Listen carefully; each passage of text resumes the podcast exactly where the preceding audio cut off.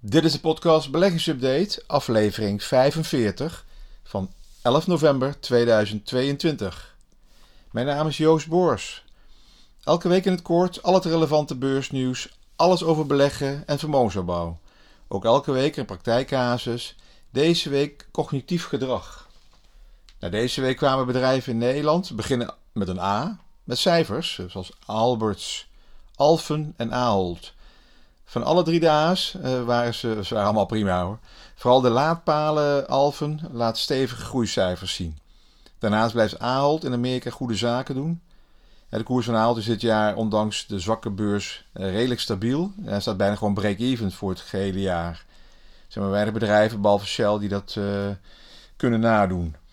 Nou, weer een aantal dagen wachten op een cijfer. Deze week was het de Amerikaanse inflatiecijfer. En die kwam uit op donderdagmiddag. Nou, elke week is er wel een macrocijfer of een rentebesluit. Zo huppelen we naar het einde van een bewogen jaar. Het inflatiecijfer, CPI, op consumentenniveau, was iets beter dan verwacht. En uh, woe, daar gingen de schoten de koersen als raket omhoog. In één dag 3% erbij uh, voor de AX. We staan nu vrijdag zo rond de 706. In Amerika technologieindex met bijna 8% erbij. Ja, dus echt fantastische uh, cijfers, maar wel heel erg uh, hard. Een klein beetje minder inflatie en iedereen is weer blij. Ik bedoel, je hebt nog steeds over historische cijfers hè, van 7,7% hè, op jaarbasis. Het is niet dat we nu uh, op 2,5% zitten en dat we het doel bereikt hebben van de centrale banken. Ja, maar elk positief signaal wordt nu aangegrepen. Ik denk dat er gewoon veel te veel mensen een short positie, een korte termijn, ja, die korte termijn handelaren, een slecht cijfer hadden verwacht, hadden gehoopt en daarop hadden ingespeeld. En dan moeten ze nu al die posities weer terugkopen. Uh, Oké, kijken hoe het verder gaat de komende twee weken. Of het uh, dit stand houdt, deze nieuwe stijging. We hebben al een aantal keren van deze enorme stijgingen gehad. Hè? In een, een paar keer in mijn podcast van de afgelopen maanden zeg ik elke keer, we zitten in een dalende, langzaam dalende beurs. Hè? Noemen ze een berenmarkt, een bear market. En maar nu dan heb je dan van die hele snelle, felle stijgingen, waar je gewoon 5 tot 10 procent omhoog schiet in twee dagen tijd. En daarna brokkel je weer wat af. Misschien dat er uh, een keer wel een soort bodemniveau wordt bereikt, waarbij we dan langzaam gaan.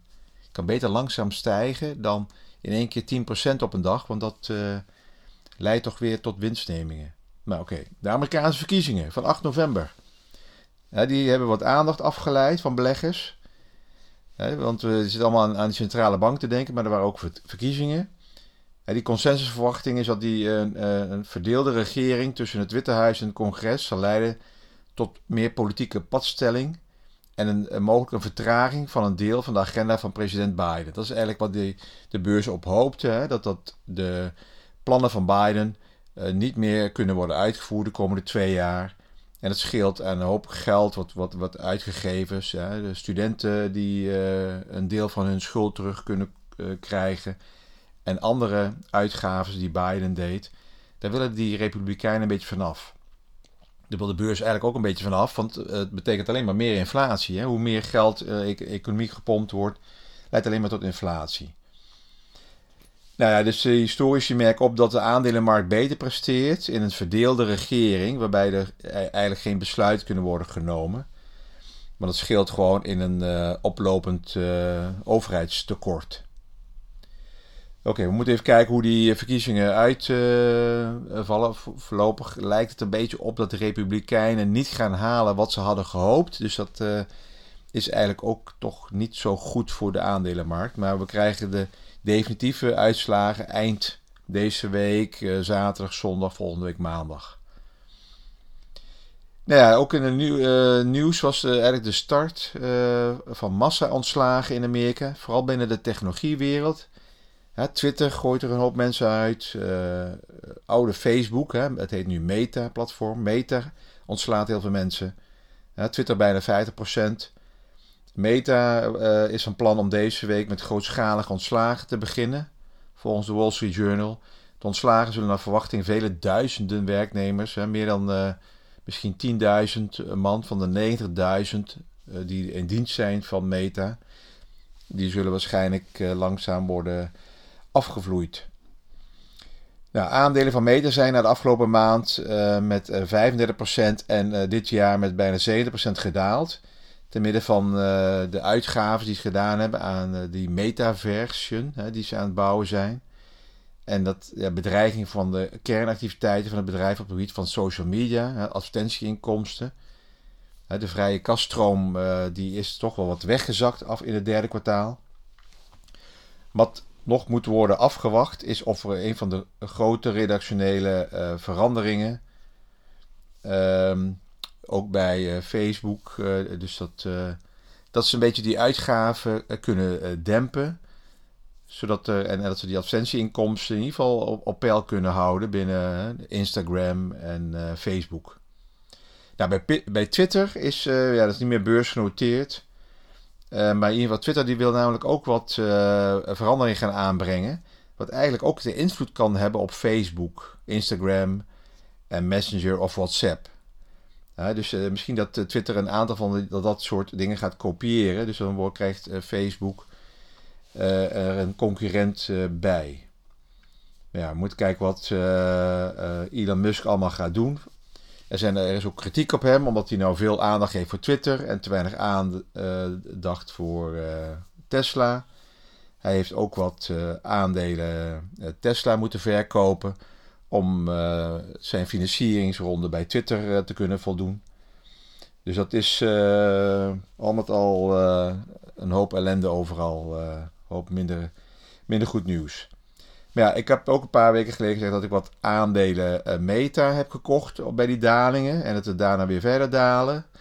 Maar ja, die aandelen staan nu weer 20% uh, eh, hoger. Ik had er wel iets te snel winst, iets te vroeg winst genomen. Ja, een kleine winst is ook winst. Dus ja, belangrijk in ieder geval in die ontslagronde, wat ik hiervoor vertelde, is dat de economie gaat afnemen in Amerika en de druk op loonstijgingen afremt. Dat is precies eigenlijk wat die centrale bank nastreeft. Dus uiteindelijk, ja, hoe, slink, hoe slecht het ook klinkt, maar uh, ontslagen zijn positief voor aandelenmarkten. Nou, ik heb er al maanden niet meer over, eh, maar de cryptocurrencies, ja, die zakken nu eh, langzaam het moeras in dit jaar. En er kwam deze week weer een versnelling bij. De koersen gleden weg naar onrust op de cryptomarkt, waar FTX, de op één na grootste speler. is een soort handelsplatform waar je kan handelen in allerlei afgeleide producten van crypto's. Termijncontracten, derivaten. Maar waar je ook je crypto's kan sta stallen. Ja, die is in de problemen gekomen. er werd te veel geld onttrokken. En dat was toch een, een probleem. Er was één grote speler die wilde gewoon een, ongeveer een miljard aan geld opgenomen. En ja, die ging dus, eh, FTX eh, is op zoek naar financiering. Ze hebben 5, 6 miljard nodig om te overleven. Binance zou eventueel FTX willen overnemen, maar die overname gaat niet door. Dus we krijgen een beetje de angst voor het instorten van het crypto-kaartenhuis. En, maar dit kan natuurlijk ook invloed hebben op de hele aandelenbeurzen. Hè? Dus de normale, de oude beurzen omdat uh, die, er is heel veel met hefboom uh, belegd, ook in aandelen, via, ook via met, met crypto's. Hè. winsten van crypto's worden in aandelen belegd, met geleend geld. Er worden cryptomunten gekocht met geleend geld.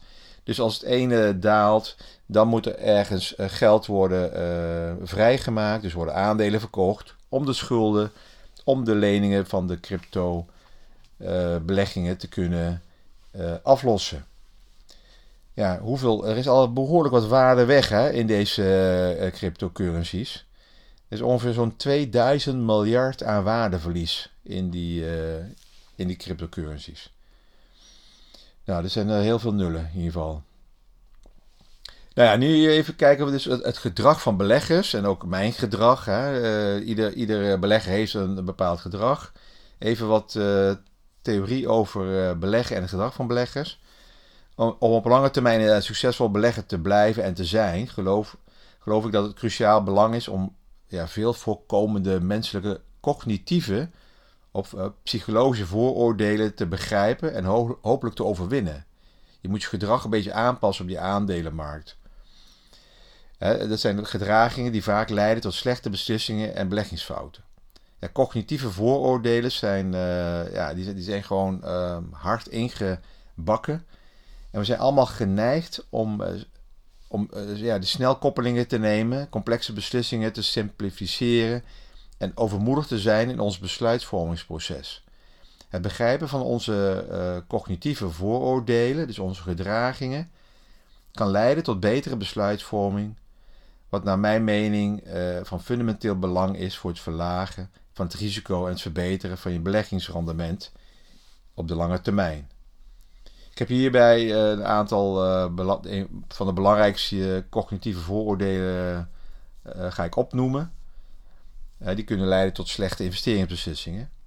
bijvoorbeeld overmoedig zijn. Te veel zelfvertrouwen hebben. te veel zelfvertrouwen is een onjuiste en misleidende inschatting van, van onze vaardigheden, intellect of talent. Kortom, het is een egoïstische overtuiging dat, dat wij beter zijn, in werkelijkheid zijn. Het kan een gevaarlijk vooroordeel zijn en zeer aanwezig in de financiële wereld. Ja, ik weet wel waar die aandelenmarkt naartoe gaat, dus uh, ik heb een aantal keren winst kunnen maken. Dus ik snap het spel. Ik ga nu veel groter handelen, want nu gaan we het echt nemen. Nou, dat, dus, daar raak je overmoedig. Nou, een ander is de self-serving eh, bias. Is een neiging in de behavioral finance om goede uitkomsten toe te schrijven aan onze vader, eigen vaardigheden. En die slechte uitkomsten ja, aan pech of puur geluk, aan de aandelenmarkt, in ieder geval aan iemand anders. Ja, anders gezegd, we kiezen de oorzaak van een uitkomst op basis van wat ons het beste uitkomt. En de, de positieve neiging is een positieve uitkomst toe te schrijven aan vader, aan onze vaardigheden. En uh, negatieve uitkomsten aan ja, pech, geluk of aan problemen van eigenlijk een andere aard. Nou, een andere is bijvoorbeeld uh, kundementaliteit. in de financiële wereld verwijst die kundementaliteit naar de neiging van beleggers om te volgen en te kopiëren wat andere beleggers doen. Ze worden grotendeels beïnvloed door emotie en instinct in plaats van een eigen onafhankelijke analyse. Nou, een andere is dan uh, verliesaversie.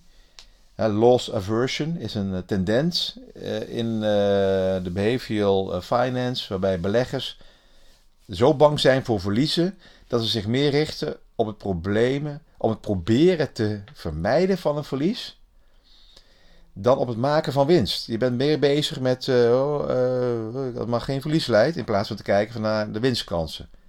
Hoe vaker iemand verlies leidt, hoe groter de kans op verliesaversie uh, is de neiging van beleggers om, te, om verliezen meer te vrezen en te vermijden dan proberen winst te maken. Ja, dat, dat herken ik allemaal wel. Bevestigings voor ingenomenheid dus uh, confirmation voor ingenomenheid is de neiging van mensen om veel aandacht te besteden aan informatie die hun overtuiging bevestigt en informatie dat het tegenspreekt te negeren. Dus alleen maar te kijken naar informatie wat je uitkomt. Dit is een, uh, typisch gedrag in, bij, bij, beleggers die, die het vermogen om objectieve beslissingen te nemen beperkt. Je kijkt eigenlijk alleen maar, je wil alleen maar de, de, de positieve eigenlijk het positief nieuws horen en niet het totale plaatje willen overzien. Want er kan ook negatieve dingen zijn en dat komt niet zo goed, eh, past niet zo goed in je straatje. Nou, dan heb je ook de had ik maar als dit of dat. De hindsight bias. Hindsight is eh, de misvatting achteraf dat men altijd al wist dat men gelijk had. Iemand kan er ook ten onrechte van uitgaan dat hij over een bijzonder inzicht of talent beschikte om een uitkomst te voorspellen. Ja, voor mij geldt het dat ik ook na al die jaren nog wel eens handel met emotie. Het is heel moeilijk om dit. Je moet het echt blijven focussen op, die, uh, op je gedragingen. En gewoon weten van wat past bij mij en uh, welke gedragingen moet ik uh, onder controle zien te houden. Als ik voor de, voor de korte termijn meespeel op de beurs, dan komen bovenstaande cognitieve vooroordelen ook wel eens allemaal langs. Dat, dat, het, dat blijft gewoon. Overmoedig zijn, te grote positie, middelen bijkopen om je prijs te drukken. Omdat je zeker weet dat je gelijk gaat krijgen. En vaak achteraf terugkijken, had ik maar, als ik toen dit en dat, weet je, als, als, als, daar heb je allemaal niks meer aan. Je kan er misschien wel wat van leren, maar je moet gewoon in, in, de, in de toekomst gewoon heel strikt al die gedragingen onder controle krijgen en dan gaat het veel beter. Maar je staat er hierbij dus niet alleen voor. Hè? Iedereen heeft dit wel. Ik uh, genoeg vrienden die elke keer bellen van... Oh, die beurs had ik maar niet meer die calls gegeven op die aandelen. Gisteren zijn we weer behoorlijk gestegen in ASML. Daar gaan die calls weer. Dan moet ik die aandelen weer leveren. Had ik maar, had ik maar. Ja, ze hebben wel uh, winst, maar die winst is gewoon kleiner. En daar balen ze een beetje van. Ja, ik vind winst is ook een winst. Maar ja, in ieder geval uh, kijken wat je ermee kan doen allemaal. Het is wel belangrijk om eraan te werken. Wil je succesvol zijn en blijven. Dus uh, dank voor het luisteren. Alles op persoonlijke titel. denk eraan, het is geen, uh, direct, het is geen beleggingsadvies, geen direct beleggingsadvies. En alles op basis van openbare informatie. Tot de volgende week.